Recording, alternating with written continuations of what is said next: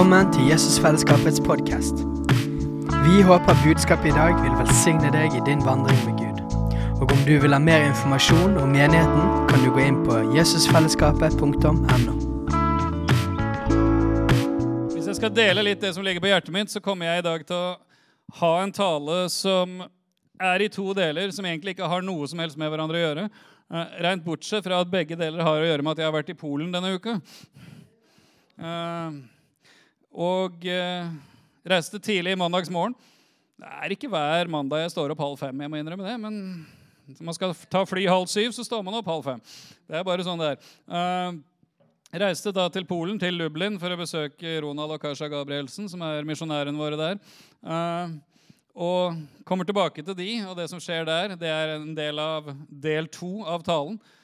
Men nå kommer del én. Eh, dette er fjerde gangen jeg var og besøkte de i Lublin eh, i løpet av de siste tre årene, så jeg har jo vært der noen ganger. Og de gangene jeg har vært der før, så hadde jeg før vi kom dit, lest om at rett utenfor Lublin så ligger det eh, restene av en konsentrasjonsleir fra andre verdenskrig som heter Majdanek. Noen av de som har vært på Veien-team der, har vært der, tror jeg. Uh, jeg har lenge egentlig hatt et sterkt ønske om å besøke denne konsentrasjonsleiren. Jeg kan ikke si jeg har hatt lyst til, for det er ikke lystbetont, men jeg har hatt et sterkt ønske om å besøke den. Og det å være der gjorde i grunnen et veldig sterkt inntrykk på meg. Det må jeg si. Jeg har lagt ut en del bilder på Facebook også med litt sånn tekst. og sånn. Jeg vet ikke om noen dere har sett de. Hvis ikke så kan dere gå på profilen min og se på de. Om ikke, ikke akkurat nå, kanskje. men Så Alexander var framme med mobilen med en gang. Men ja. Eh, kortversjonen er at dette er en konsentrasjonsleir som var i drift under andre verdenskrig. Bygd av tyskerne, selvfølgelig, selv om det var i Polen. Tyskerne bygde jo veldig mange leirer i andre land for at de håpa kanskje ikke å få skylda for det etterpå. Men det var nå de som gjorde det. Eh, 160 000 mennesker var innom den konsentrasjonsleiren i løpet av tre og et halvt år. over 80 000 av de, altså over 50% av de, kom ikke ut derfra i live.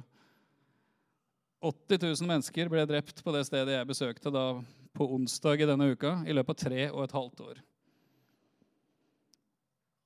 Og når vi var der, når vi kom dit, Ronald og Kasha og jeg, på, sånn midt på dagen på onsdag, så kjørte vi inn på området og så sa det var voldsomt så mange busser som var her. Jeg har aldri sett så mange busser her. Kasha har liksom vært guide for masse grupper. Vært på besøk der og sånn. Uh, folk fra menigheter og sånn.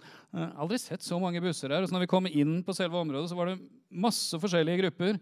Uh, stort sett alle hadde israelske flagg eller hadde jødiske kalotter. eller sånne ting. Og så fant jeg ut etter hvert Når vi kom hjem igjen, så måtte vi liksom google litt. altså var det noen spesiell grunn til dette her, Og så viste det da at Dagen etter var den årlige minnedagen for holocaust.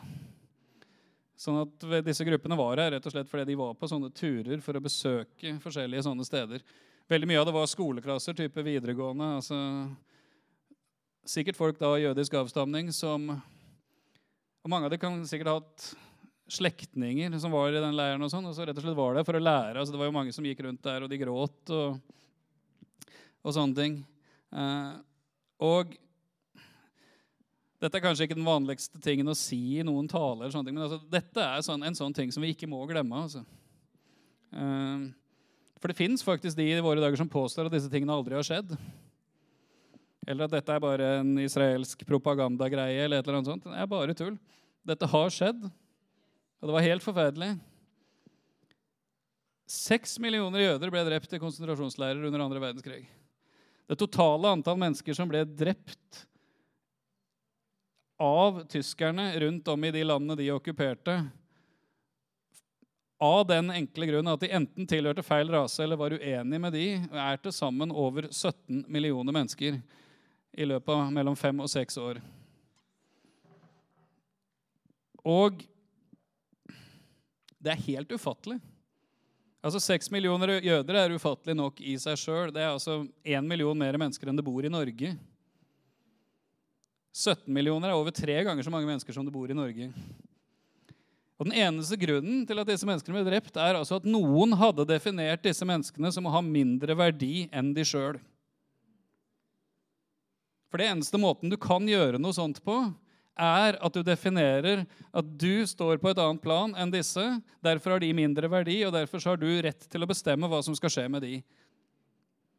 Jeg har veldig lyst til å få lov å si her og nå det er ikke Bibelens måte å se på mennesker på. Det er ikke Guds måte å se på mennesker på. Og den dagen vi begynner å se på andre mennesker sånn, da har vi et problem.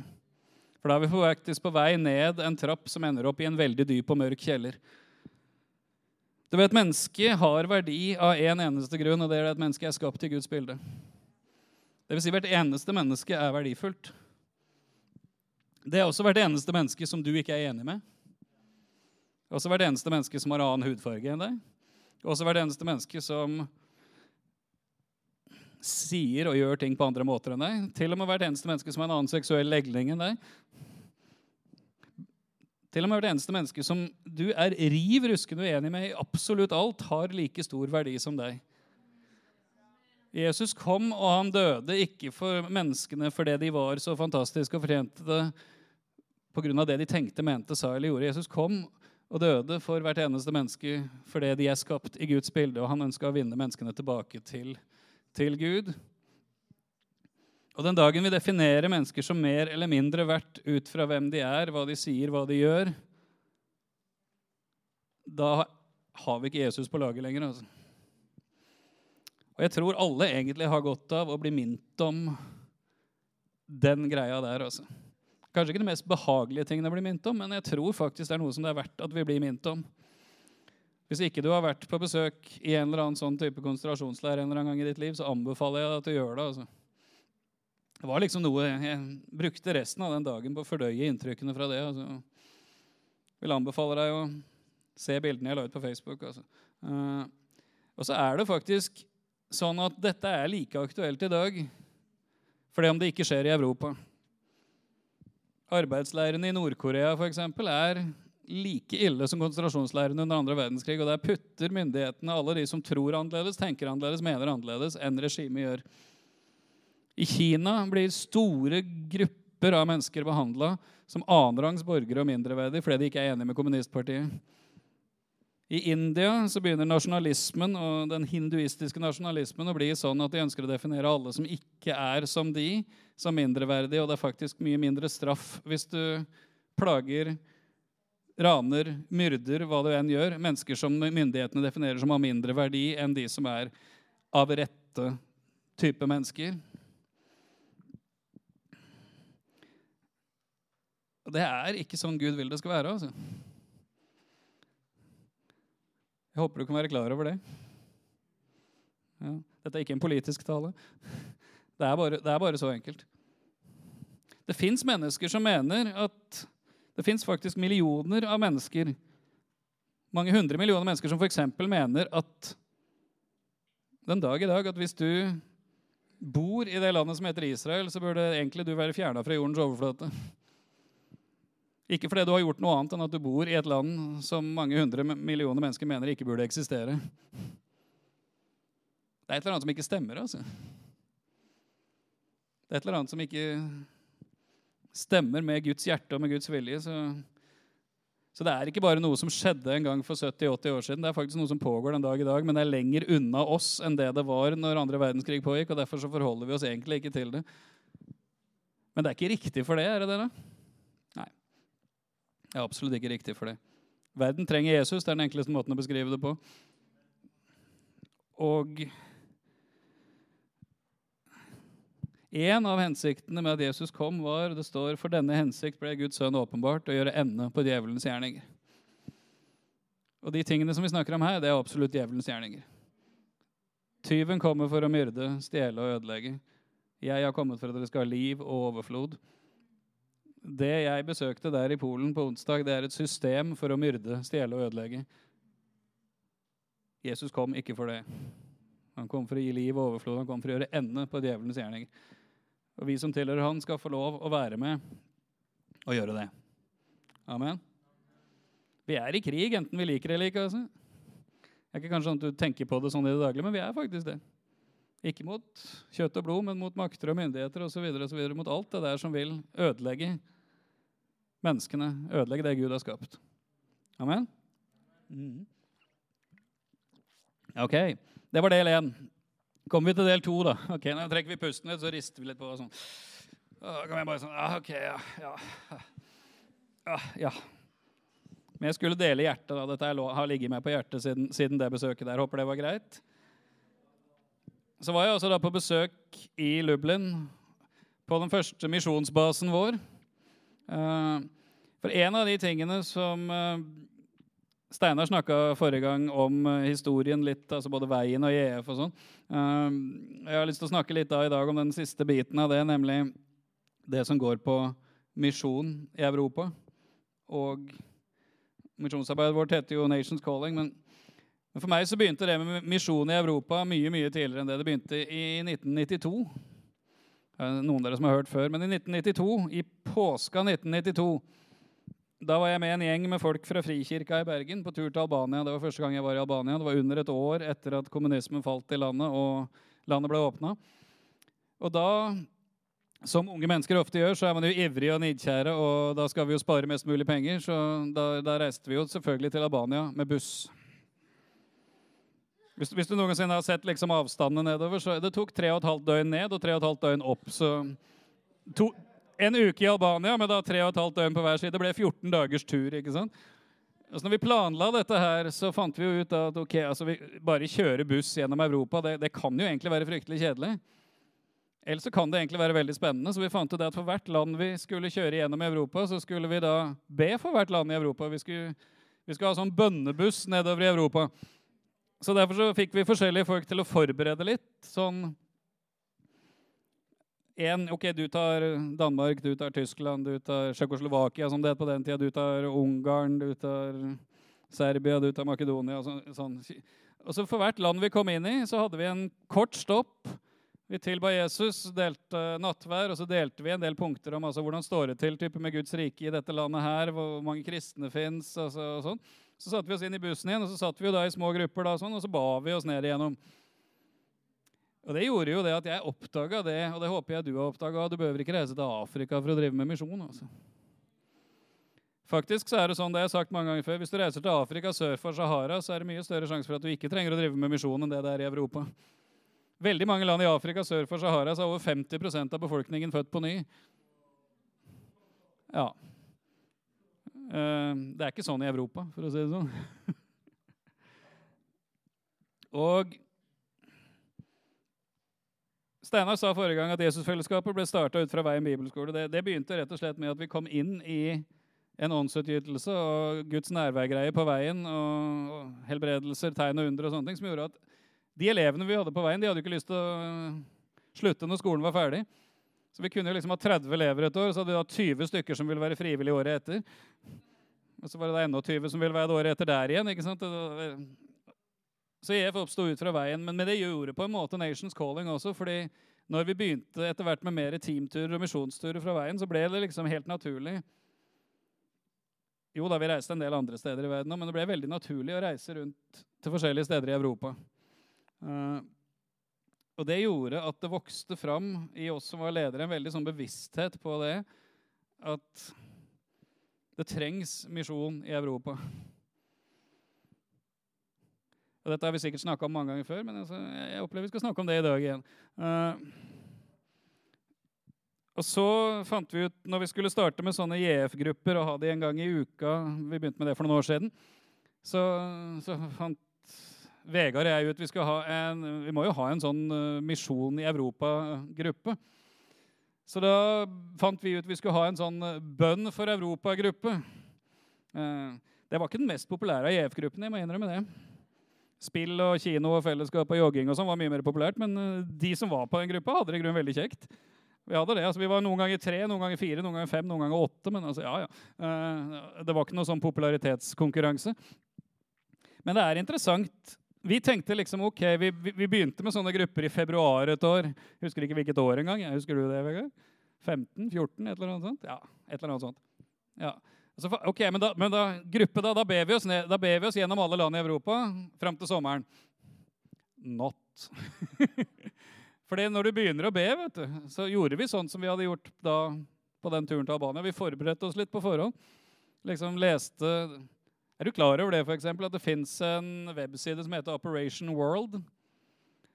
Nei, det er du ikke klar over. det. Da skal du få et godt tips av meg her hvis du liker å be. Og hvis du ikke liker å be, så kan du få et godt tips bare ved å lese på den sida. På den sida står det fakta om alle land i verden og hvordan det står til i forhold til antall kristne, antall menigheter, hva som er punkter både å be for, og misjonspunkter og sånne ting. For hvert eneste land i hele verden. Alfabetisk ordna. Så hvis du lurer på noe om et eller annet land, så kan du bare gå inn der. Så vi begynte å gjøre det. vet du, og tenkte ok, Da tar vi sånn tre-fire land per gang. Vi skulle være sammen et par timer. Dette går kjempebra. ikke sant? Not. Det begynte liksom med at du ber for et land. Vi delte litt om hva vi hadde funnet. og sånn, Både liksom sånn historie og kristen historie og sånne ting. Og så begynte du å be, da, og så, og så begynte jo Gud å tale. vet du. Så etter hvert så hadde vi jo et sånt uh, notatdokument uh, på, på iPhonene våre som ble jeg vet ikke hvor mange sider det ble til slutt, ja, med åpenbaringer om alt Gud hadde på hjertet for de forskjellige landene i Europa. Det var liksom sånn, wow. Vi begynte å be for et eller annet land, sant? og så tenkte liksom, oi, dette, dette blir sikkert ja, her er det veldig få kristne. her er det liksom sånn. Jeg husker Første gangen så skulle vi be for, en av landene vi skulle be for, var Belgia. Så vi tenkte liksom, å, det, dette blir jo skikkelig mørkt og fælt. og sånn. Bel Belgia er kanskje det minst kristne landet i hele Europa. Uh, I den fransktalende delen av Belgia, som også kalles Valonia, uh, er det veldig få kristne. I Belgia generelt så er det ca. 0,1% kristne. I Norge regner man som ca. 4-5% 0,1% vil altså si ikke én av 100, det er 1% men altså én av 1000 mennesker regner seg som kristne. Alle kirkesamfunn, altså inkludert katolikker, ortodokse, you name it. Én av 1000. Men den store flertallet av de er i den nederlandsktalende delen av Belgia. Belgia den fransktalende delen av Belgia. Der er det ca. 0,01% kristne. Det vil si at av 10 000 mennesker du møter, så er en av de kristen. Hm. Det vil si at det ville bodd ca. 250 kristne i Bergen. det gir deg litt perspektiv, da. Det vil si at ja, Hvor mange av dere da bodde i Norge? Ikke så veldig mange kristne? Nei. Det, det er ikke store greiene, altså. Men når vi begynte å be for Belgia, da, så ble vi fylt av en sånn glede. Vi ble fylt av en sånn uh, spenning og begeistring. Det var liksom som om Gud sa Belgia, du har ikke sjans. Du tror kanskje at jeg ikke fins. Du har kanskje glemt meg fullstendig. men Jeg har ikke glemt deg. Belgia, du har ikke sjans. Bare vent på det som kommer. Og det ga meg en sånn lyst til å reise til Belgia. Så har vi da Treffer Steinar på høsten etterpå så treffer Steinar en kar vi kjenner godt, Oddleiv Sandtorv i Jesus Revolution.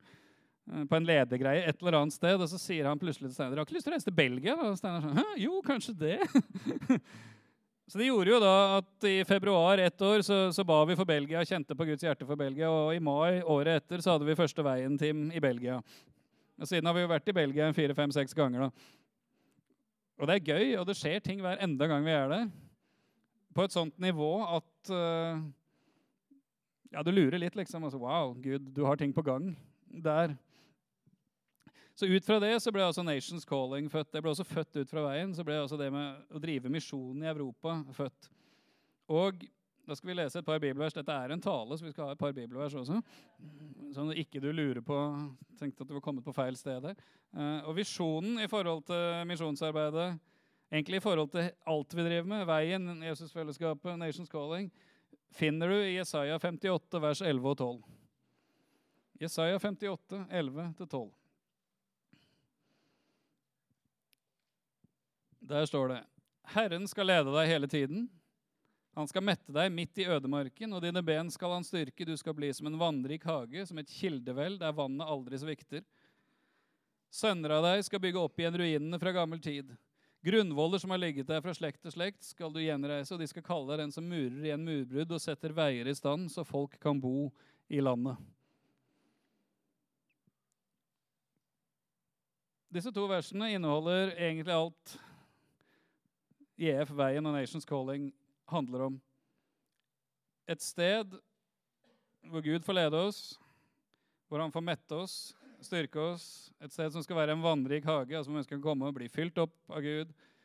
Bli fylt av Guds ånd osv. Og, og, det, og en kilde som aldri svikter, som det går an å ta med seg da videre ut. Og så reise opp mennesker, sønner og døtre, som bygger opp igjen ruinene fra gammel tid. Mange av dere vet at uh, orgi- de originale misjonsbevegelsene og sånne ting, de starta i Europa. altså, mange av dere vet at jeg, for 300 år siden så var Europa det kri- kristneste kontinentet av alle kontinenter i hele verden. Altså, ikke sant? Og vi tenker ikke på en måte sånn at nå har vi funnet på noe nytt, og nå skal vi gjøre noe nytt. Det fins arv, det fins mange som har gått foran. Og det er verdt å prøve å søke å bygge opp igjen det som en gang var, både i bønn og, og praktisk. Å sette i stand igjen og gjøre veier altså Nå tenker vi ikke fysiske, og, og sånne ting, men altså veier for Herren. Sånn at folk kan bo, altså folk kan leve altså som kristne i de landene som fins rundt om i Europa. Sant? Bare sjekke om du er våken. Ja, sant? Ja. Jo. ja. Dere er enig i det? Ja, veldig bra. veldig bra. Eh, og Hovedgrunnen til at jeg var i Polen akkurat nå eh, Vanligvis ville jeg vært der egentlig nå denne helga for liksom sånn møter og sånne ting. Eh, men det passa egentlig bedre å, å være der sånn type mandag til torsdag. Hovedgrunnen var at jeg skulle møte både Ronald selvfølgelig, og litt oppfølging av de og arbeidet der, men så skulle jeg også møte en del andre mennesker. fordi en av tingene vi har på gang der nede, i samarbeid med flere forskjellige, er en sånn modulsak en del helger, kanskje annenhver helg i løpet av et halvt år, så skal vi altså sette i gang eh, en treningsskole for pionerer og menighetsplantere i Polen. Mhm. -hmm. Du vet, Når vi sender ut misjonærer, så tenker de fleste liksom sånn ok, Når misjonærer har vært et sted et halvt år, så tenker de ok, hvor mange har blitt frelst, hvor mange menigheter har du planta? Vi sendte ikke Ronald og Karsa til Polen for å plante menigheter, for det fins faktisk en god del fungerende menigheter mange steder i Polen. Og så fins det faktisk veldig veldig mange steder i Polen som ikke har en eneste menighet.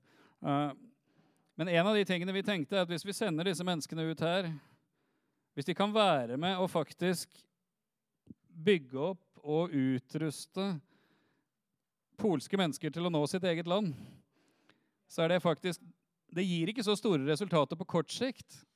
Men på lang sikt så gir det mye større resultater enn om to misjonærer skulle drive og plante menigheter. For hvis du kan trene og reise opp mennesker til å nå sitt eget land, og det kan bli til en bevegelse av mennesker som søker Gud, Gud taler til dem, og de får på hjertet steder uten menigheter, uten kristent vitnesbyrd, og så reiser mennesker dit, gjerne i team og sånne ting, og så begynner de å gjøre ting, så tror jeg det kan få mye større betydning for Polen enn om du sender ut to mennesker for at de skal gjøre alt mulig rart. Og Det er en spennende greie. Det blir moduler på alle mulige forskjellige ting. Eh, lederskap, eh, karakter, lovsang og tilbedelse, bønn, åndelig krigføring, eh, pionerarbeid, eh, ja, you name it. Eh, og det blir i god hva skal vi si, veien, JF-tradisjon og sånn. Det blir ikke bare undervisning, det blir tilbedelse, det blir tid i Guds nærvær, det blir praksis, det blir ut og gjøre ting. Sånne ting. Og bare pass deg, du kan fort bli med på et team som skal være med ned på en av disse modulene. Så det, det blir spennende greier. Og opplegget blir altså sånn at dette her er noe som kan kjøres år etter år, og som også kan kjøres andre steder. Det bør ikke bare være i Polen. Det kan tas med til Spania, det kan tas med til Italia, det kan tas med til Tyskland, you name it. Hvor som helst. For å trene opp mennesker til å nå byer, steder, tettsteder i sitt land hvor det knapt fins kristne. Er ikke det spennende? Jo, det er noen som syns det er spennende. Det er bra. Uh, visjonen vår i Jesusfellesskapet er egentlig todelt. Uh, du finner i Apostelens gjerninger 13, vers 1-4. Vi bør ikke lese alt det, men, men Apostelens gjerninger 13, 1-4 beskriver menigheten i Antiokia. Om hvordan menigheten der hadde en del ledere. De var uh, profeter og lærere, står det. Og når de har bønn, så taler Gud til de og sier, ta ut Paulus og Barnabas og send de ut til den tjenesten jeg har kalt de til. Og så står det at etter at de hadde bedt og fasta la hendene på dem, så sendte de de ut. Og neste vers så står det da vi så var, slik var utsendt av Den hellige ånd, så dro vi av gårde. Og det er noen ting der du skal legge merke til. For det første er det det at Paulus var altså en av disse profetene og lærerne. Han ble ikke apostel før han var der ute hvor Gud hadde tenkt å bruke han til apostel. Titler er ikke så veldig viktig. Det var noe som etter hvert folk skjønte at han var. Selv om det er viktig med tjenestegaver, så er ikke titlene veldig viktig. Eh, Men på en måte så vil jeg si at visjonen til EF er to ting. Det ene er å være en levende menighet, full av Guds nærvær, overnaturlig liv som når ut da med det livet i både nærmiljø, nabolag, arbeidsplasser, skole, familierelasjoner, gjerne planter ting i bydeler etter hvert. Og det andre er å være en menighet slash bevegelse som utruster og sender mennesker ut i misjon. Enten det er i Norge, Skandinavia, Europa eller til verdens ende. Kenya, Ruben, for eksempel. Ja. For eksempel, ja, ja. Og et veldig viktig er at vi kommer aldri til å sende ut mennesker verken for å starte JF-menigheter eller Nations Calling-menigheter. Vi kommer til å sende ut mennesker for å utbre Guds rike. Vi er ikke ute etter å bygge et eller annet imperium. Vi er ikke ute etter at vi skal bli store og kjente. Om vi blir det, så er greit nok, men det må i så fall være fordi vi gjør det Gud har kalt oss til, nemlig det å utbre Guds rike og bygge Guds rike. Ikke for at vi skal se fine ut. Og det gjør jo at vi kan Store fordeler med det er at da kan man samarbeide med absolutt alt og alle. Samme hva det heter. Vil man utbre Guds rike og har et hjerte for å nå mennesker, så kan vi samarbeide med dem. Det gjør jo f.eks. det at Misjonærene vi har i Polen, misjonærene vi har på Færøyene, misjonærene vi har i Mo Rana, eller for å sette navn på det, Ronald og Kasha, Laila og Nils Peter, Eimund og Cassie er, Ingen av de er i JF-menigheter noe sted. Ingen av de er i Nations Calling-menigheter, men uh, Ronald Kasha har altså Nations Calling-basen i Polen, men de går i menighet. De samarbeider med mange forskjellige menigheter og personer. Fordi det er ikke det som er poenget. Målet er å utbre Guds rike, ikke at vi skal få navnet vårt i en eller annen kristen avis. Jeg har hatt navnet mitt i noen kristne aviser. Det er fryktelig oppskrytt. Altså. Det, er bare å lese kommentarfeltene etterpå, så vet du det at there's lots of crazy people out there. Gjør deg sjøl en tjeneste, ikke les kommentarfeltene i kristne aviser. Da vil du bli deprimert på vegne av kristenheten. Les Bibelen og hold deg til Jesus. Det, det er bedre. Men det var bare en liten sånn Det var bare en liten bonusgreie der. Og så kan da noen av dere kanskje tenke når dere sitter her når jeg snakker om disse tingene her, ok, ja, men hva med litt realisme her da, Fredrik? Uh, vi er få og små og har dårlig råd. Det er der vi er akkurat nå.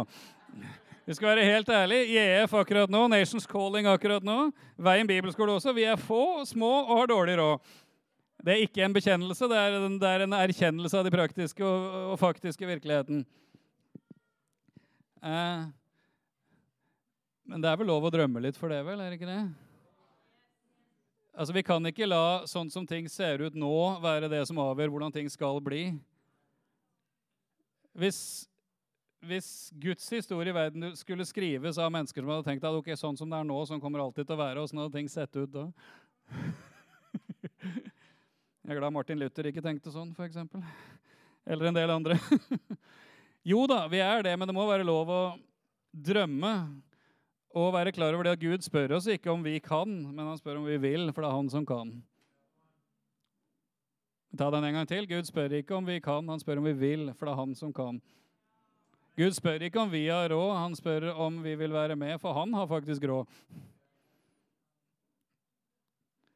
Og så var det det at det står i Apostlenes gjerninger 1,8, det er et vers som alle karismatikere elsker. Men dere skal få kraft idet Den hellige ånd kommer over dere. Og dere skal være mine vitner både i Jerusalem, i hele Judea og Samaria og like til jordens ende. Når Jesus sa det, så sa han det til en gruppe mennesker som var livredde, og som var sikre på at neste gang de stakk nesa ut av døra, så kom noen til å ta livet av dem. Og De første 120 de møttes på den øvre sal og søkte Gud, ikke bare fordi det var et greit sted å be, men det står at de var der, og de hadde stengt dørene. Hvorfor det? De var redde. De hadde altså hemmelige bønnemøter i skjul for ikke å bli oppdaga verken av jødene eller romerne, av frykt for at det skulle gå med de som de gikk med Jesus. Hm? Altså, Du leser ikke så forferdelig mye om de heftige profetiene som kom på den øvre sal i løpet av de dagene de var der og ba. Du leser ikke så mye om at de hadde visjoner for å innta hele verden. De var egentlig bare redde og søkte Jesus for det, det han hadde sagt. Så kom pinsedag, da, så falt Den hellige ånd, så tar Gud ved sin ånd disse redde menneskene ut i byen. Og Evangeliet blir forkynt, og de går fra 120 til 3000 på én dag. Og så var hele greia i gang. Snakk om kickstart. du liksom bare Boom! Ikke sant? Og den samme Peter som noen dager før hadde banna og fornekta at han kjente Jesus av frykt for en tjenestepike, står fram og forkynner så 3000 blir frelst. Gud spør ikke om vi vil, eller om vi kan, han spør om vi vil. Det er han som kan, og hvis Hans ånd får gjøre det han ønsker å gjøre, så, så kan det skje fantastiske ting. Jo, men det var jo apostlene, sant? og det var jo de der første superkristne. Ja, akkurat. Har vi akkurat nevnt disse her, da. Men det har jo ikke bare skjedd da, det har jo skjedd gang på gang opp gjennom historien. Jeg får begynne på veien hvis dere skal få hele historien, men uh, på, på 1700-tallet fantes det en mann med et fantastisk navn. Han het grev Nikolaus von Sinsendorf und Pottendorf. På den tiden hadde man jo ikke etternavn. Von betyr fra. Han var altså fra de to stedene. Det er imponerende å være fra to steder samtidig, men det, det er en annen historie. Uh, han hadde en drøm om å bygge et kristent mønstersamfunn på eiendommen han eide. Og han inviterte alle mulige forfulgte kristne fra den regionen av Europa. Han bodde, Eiendommen hans ligger på et hjørne som er ca. der Polen, Tsjekkia og Tyskland møtes. så det var jo et sentralt område. Og De første fem årene når han prøvde å bygge et mønster kristent samfunn der, hvor han åpna eiendommen sin for alle forfulgte kristne, de var det han sjøl beskriver som fullstendig kaos og nesten et sant helvete. Fordi alle disse forfulgte kristne de hadde to ting til felles, og det var det at de var forfulgte, og så var de ikke enige med hverandre om noe som helst. Når du plasserer da forfulgte lutheranere, baptister, brødremenigheten, you name it, sammen, så skulle de da De gjorde stort sett ikke noe annet enn å diskutere og krangle. Så etter fem år av det så var Sinsendøff kommet til det punktet han hadde tenkt å selge hele eiendommen og hadde lyst til å gi opp alt sammen. Les dagbøkene hans, det står der. Han hadde store visjoner og var sikker på at dette skulle Gud gjøre. Når det var gått fem år, så hadde han lyst til å selge eiendommen og gi opp alt sammen og begynne med noe annet. Og Så fant han ut at nei, ok, vi får gi dette her en sjanse. Da gikk han på besøk til hvert eneste hjem i landsbyen. Og Så satte de opp en avtale om at dette er vi enige om, dette er vi ikke enige om. Vi snakker om det vi er enige om, vi holder oss vekk fra det vi ikke er enige om. Og Så skrev alle familiene under på det. Og Så ble de enige om kanskje vi skulle begynne å be sammen. da. Og Så begynte de å be sammen. da. Dette var på våren en gang. Og så når vi har kommet ut i august, begynnelsen av august, så kom det Sinsendorf senere beskriver som pinsedag. Det var en dato i august 1700 og et eller annet 27. Da falt Den hellige ånd på samtlige 300 mennesker i dette lille fellesskapet. Det var ikke mer enn 100 av de som var i kirka, men om de var i kirka, om de var ute på jordene, om de var hjemme, så falt Den hellige ånd på dem. 300 stykker. Det gjorde at de fant ut at kanskje vi skal begynne å be litt mer. Kanskje vi skal begynne at to og to ber sammen en time hver dag. Og så var det 48 stykker som ble enige om det, for du trenger 48 stykker hvis to i timen skal be i løpet av et døgn. da. Så ba de på skift fra 1727 til langt inn på 1830-tallet. 24 timer i døgnet. Det er foreløpig verdenshistoriens lengste bønnemøte. Og I løpet av de over 100 årene dette bønnemøtet varte, så sendte altså denne lille landsbyen, som hadde 300 innbyggere, over 300 mennesker ut i misjon. Altså Det er jo da over noen generasjoner, sant? så det betyr jo ikke at alle var ute samtidig. Men det sier jo noe, da. Og disse berørte Dette var den første moderne misjonsbevegelsen i verden. Som berørte mange nasjoner, massevis av mennesker, massevis av ledere. Og fra 1750 til 1850 kalles for det store vekkelsesårhundret i Europa. Jeg er ikke i tvil om at den gjengen der var noe av motoren og drivkraften i det som skjedde. De har sikkert fått mye mindre ære enn de fortjener, og i himmelen tror jeg de kommer til å få mye mer ære for det de gjorde. Men det begynte med en mann som etter fem år hadde tenkt å gi opp hele greia, for dette var ikke sånn som han hadde tenkt det skulle være. Ja. Så hvis dette bare er en drøm, så får vi heller våge å drømme litt, da, får vi ikke det?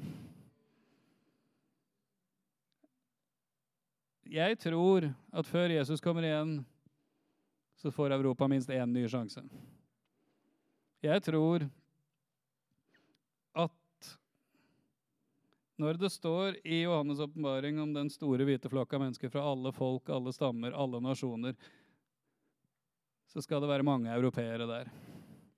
Jeg tror ikke Kristi brud skal bestå av Overkroppen er afrikanere, og beina er asiater og søramerikanere, og så er det en tånegl som er europeere. Jeg tror at det skal være en stor del av mennesker i Europa også som står for Guds råne og tilber og priser Han. Ikke bare av de som har vært før, men de som er nå, og som, kommer, og som skal komme. Og jeg tror at denne lille menigheten her skal være en del av det. Jeg tror at det misjonsarbeidet vi gjør, skal være en del av det. Absolutt ikke den eneste delen av det. På ingen måte. Vi, kanskje er vi bare en tånegl, for all del. Eller, en akilleshæl eller et eller annet sånt. Hva søren vet jeg. Eller øreflipp, eller hva søren. Men jeg tror vi skal få lov å være med på dette her. Hvorfor det? Fordi Gud vil det. Så da er jo spørsmålet om du har lyst til å være med på dette her. Om du kunne tenke deg å drømme om dette her. Om du faktisk skulle spørre Gud Ok, Gud, hva, hva er min plass i dette her? Hva, hva vil du jeg skal gjøre? Ikke hva kan jeg, men hva vil du jeg skal gjøre? Hva jeg, kan jeg være med og bidra med? Og jeg vil påstå det at Hvis vi virkelig skal være en menighet som tror på forandring i Europa, så vil jeg, vil jeg påstå det at altså, enten du er Veien-elev, eller du er vanlig menighetsmedlem, eller du er i, i, stab, enten på Veien eller EF, eller noe sånt, jeg vil påstå det at jeg tror, begynne, jeg tror vi skal legge inn en regel som vi ikke skal være lovisk på, men jeg vil påstå det at samtlige mennesker som tilhører EF, bør ha seg minst én misjonstur i Europa annethvert år. altså. Det tror jeg. Mm, det var tre som var enig. Jeg tror samtlige mennesker som hører til i, det, i Jesusfellesskapet, bør ha seg minst én misjonstur annethvert år i, i Europa. Altså. Bare for å være i touch med altså, Guds hjerte og det som foregår. Og, og, ikke være redd. Vi skal, vi skal legge til rette for at Europa skal bli frelst. 100 millioner mennesker i vår levetid. I Jesu navn. Den alarmen har jeg på klokka fem hver dag. Så det er bra. Vi skal legge til rette. Vi skal, vi vi skal ha familiemisjonsturer igjen. vet du. Store og små ut på tur. ikke sant? Vi skal ha turer både hit og dit. altså. Um, turer forskjellige steder i Norge og alt mulig rart. Altså, Norge, Skandinavia, Europa. ikke sant? Jeg tror vi har godt av det. Du vet, når, når, du går i hverdagen, når du går på jobb eller du går på skole, og så går du i menighet på søndag, og så, så, så kan livet være litt treigt og kjedelig til tider. Har noen dere oppdaga det? Livet kan være, Selv for meg som er ansatt i altså menighet, livet kan være treigt og kjedelig til tider. Altså så trenger vi noen ganger å løfte blikket og se det at Gud faktisk har større planer enn det vi klarer å se i hverdagen. Så trenger vi å løfte blikket og se Hva var det Jesus sa? Vi skulle løfte blikket og se at et eller annet var Markene var hva for noe? Hvite til høst. Ja, riktig. Ja, det var han sa faktisk det. Du vet hva en, Jeg hørte en predikant si det, vet, det, er ikke, det er ikke høsten det er noe i veien med. Jesus sa må, det er blikket vårt det er noe i veien med. Og så må vi be Gud om å sende arbeidere ut. da, ikke sant? Uh, ja, ja, ok. Litt rar tale, dette, her, men jeg skulle dele hjertet. da. Ja. Uh, og jeg, jeg har, har, et hjerte for at dette her skal skje. Altså. Uh, og for at vi alle skal få lov å være med. For 30 år siden Hvis noen hadde da sagt at eller 35 år siden hvis noen da hadde sagt at ganske fort nå så kommer jernteppet, altså det kommunistiske jernteppet i Europa til å falle. Og vi, da må man være klar til å drive misjon. Så er det veldig mange ledd av de, de, som sa det. Men det kom profetier om det. For en 35 år siden så kom det profetier forskjellige steder om at det kommunistiske jernteppet over Øst-Europa det kommer til å falle. Noen som husker at det kom sånne profetier? Ottar husker det, helt sikkert. Ikke, bare nikk du, jo da, du husker det. Ja. Og de fleste tok ikke det på alvor i det hele tatt. Men noen mennesker gjorde det. Noen mennesker i forskjellige bibelselskap rundt om i Europa tok det på alvor. Og de fant ut ok, nå må vi begynne å trykke opp Nytestamenter og bibler på språkene i Øst-Europa. Begynte å samle inn penger og begynte å trykke opp det. Det gjorde at Den dagen jernteppet falt, så var bibelselskapet i forskjellige land i Vest-Europa klar med flere hundre tusen, flere millioner bibler og Nytestamenter på språk i Øst-Europa. Sånn at når noen hadde lyst til å reise dit, så var det bare å ringe et eller annet bibelselskap i et eller annet land, så var spørsmålet ja, hvor mange kasser vil du ha? Fordi noen trodde at det kom til å skje. Noen forberedte seg. Det kom en profeti husker jeg, på Livets ord en gang, om at Øst-Europa kommer til å åpne seg. Så Livets ord forberedte seg. Så når jernteppet falt for i Russland, så var de klart til å sende 1000 mennesker på misjon inn i Russland i løpet av tre måneder. For eksempel. Og De hadde en fantastisk tur. De, under et år etter at jernteppet falt i Russland, så reiste Livets Ord. Da leide de det, det, det toget som kommunistpartiet i Sovjetunionen hadde brukt til å reise rundt i hele Sovjetunionen og spre propaganda med. Og så reiste de fra den ene enden til den andre av Russland og forkynte evangeliet og planta menigheter med det, med, med det kommunistiske propagandatoget. Gud kan gjøre ting og snu ting ganske fort, altså. Ja. Ja. Høres ikke det litt gøy ut, da? Det hadde vært gøy å gjøre noe sånt en eller annen gang i et eller annet land. hadde ikke det? Et eller annet sånt? Det hadde vært moro, det. Altså. Ja, ja, ja, ja. Når jeg var i Albania i 92, under et år etter at kommunismen og ateismen falt der, Så står jeg på universitetsområdet i Tirana og snakker med en student. For du behøvde ikke å drive med evangelisering der. Det var bare å stille seg opp med Nytestamentet på albansk, og så kom de løpende og ville ha.